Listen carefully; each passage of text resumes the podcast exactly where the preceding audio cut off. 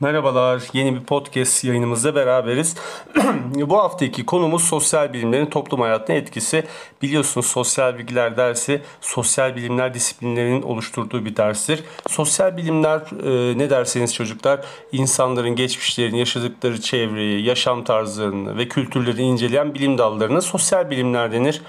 Bu sosyal bilimleri 5. sınıfta da görmüştünüz. Tabi uzaktan eğitim alıyordunuz o zamanlar hatırlamayabilirsiniz arkeoloji, numizmatik, antropoloji, psikoloji, felsefe, sosyoloji, coğrafya, tarih, hukuk, ekonomi bunları sayabiliriz çocuklar. Sosyal bilimler hepsinden birer parça alıp sosyal bilgiler dersini oluşturuyor. Sosyal bilimler sayesinde insanlar değişim ve gelişimi anlayabilir. Sosyal bilimler çok önemlidir. Sosyal bilimler insanların düşünme becerisini, olayları farklı açılardan değerlendirilme yetisini geliştirir. Ee, sosyal bilimler hayatın ta kendisidir de diyebiliriz. Hadi gelin bakalım sosyal bilimler teker teker incelersek nelerden oluşur?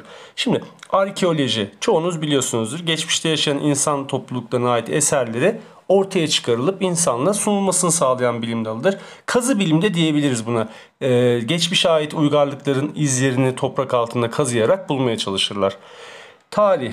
Tarih ise geçmişte yaşanan insan faaliyetlerini, olayları, kültür medeniyetleri, bunların arasındaki ilişkileri sebep sonuç ilişkisinin içerisinde yer ve zaman göstererek belgelere dayalı olarak inceleyen bilim dalıdır. Hani eskiden şunlar oldu bunlar oldu diye anlatmak tarih değildir. Belgeli olacak, sebep sonuç ilişkisinde olacak birçok e, farklı kriteri var.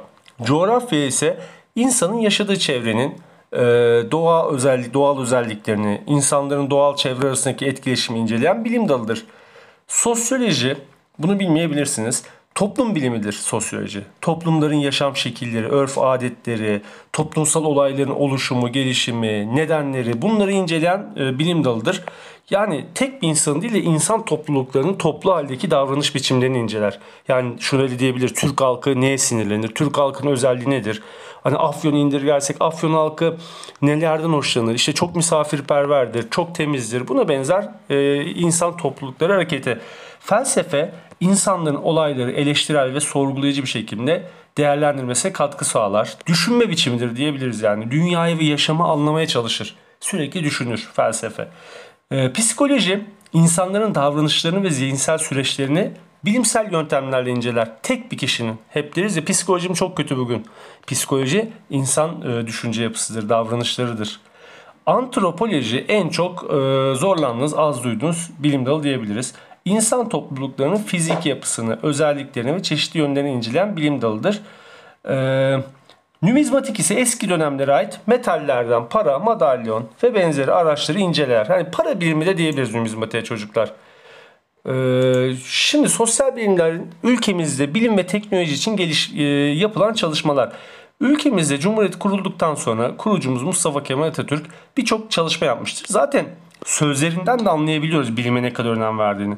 Benim manevi mirasım bilim ve akıldır diye bir sözü var Atatürk'ün.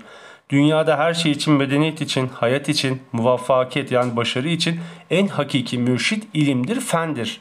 Bu da Atatürk'ün sözü. Sonra aklıma gelen benim sözlerimle bilim çelişirse eğer bir gün beni değil bilimi seçin diyor. Yani bu kadar bilime önem veriyor.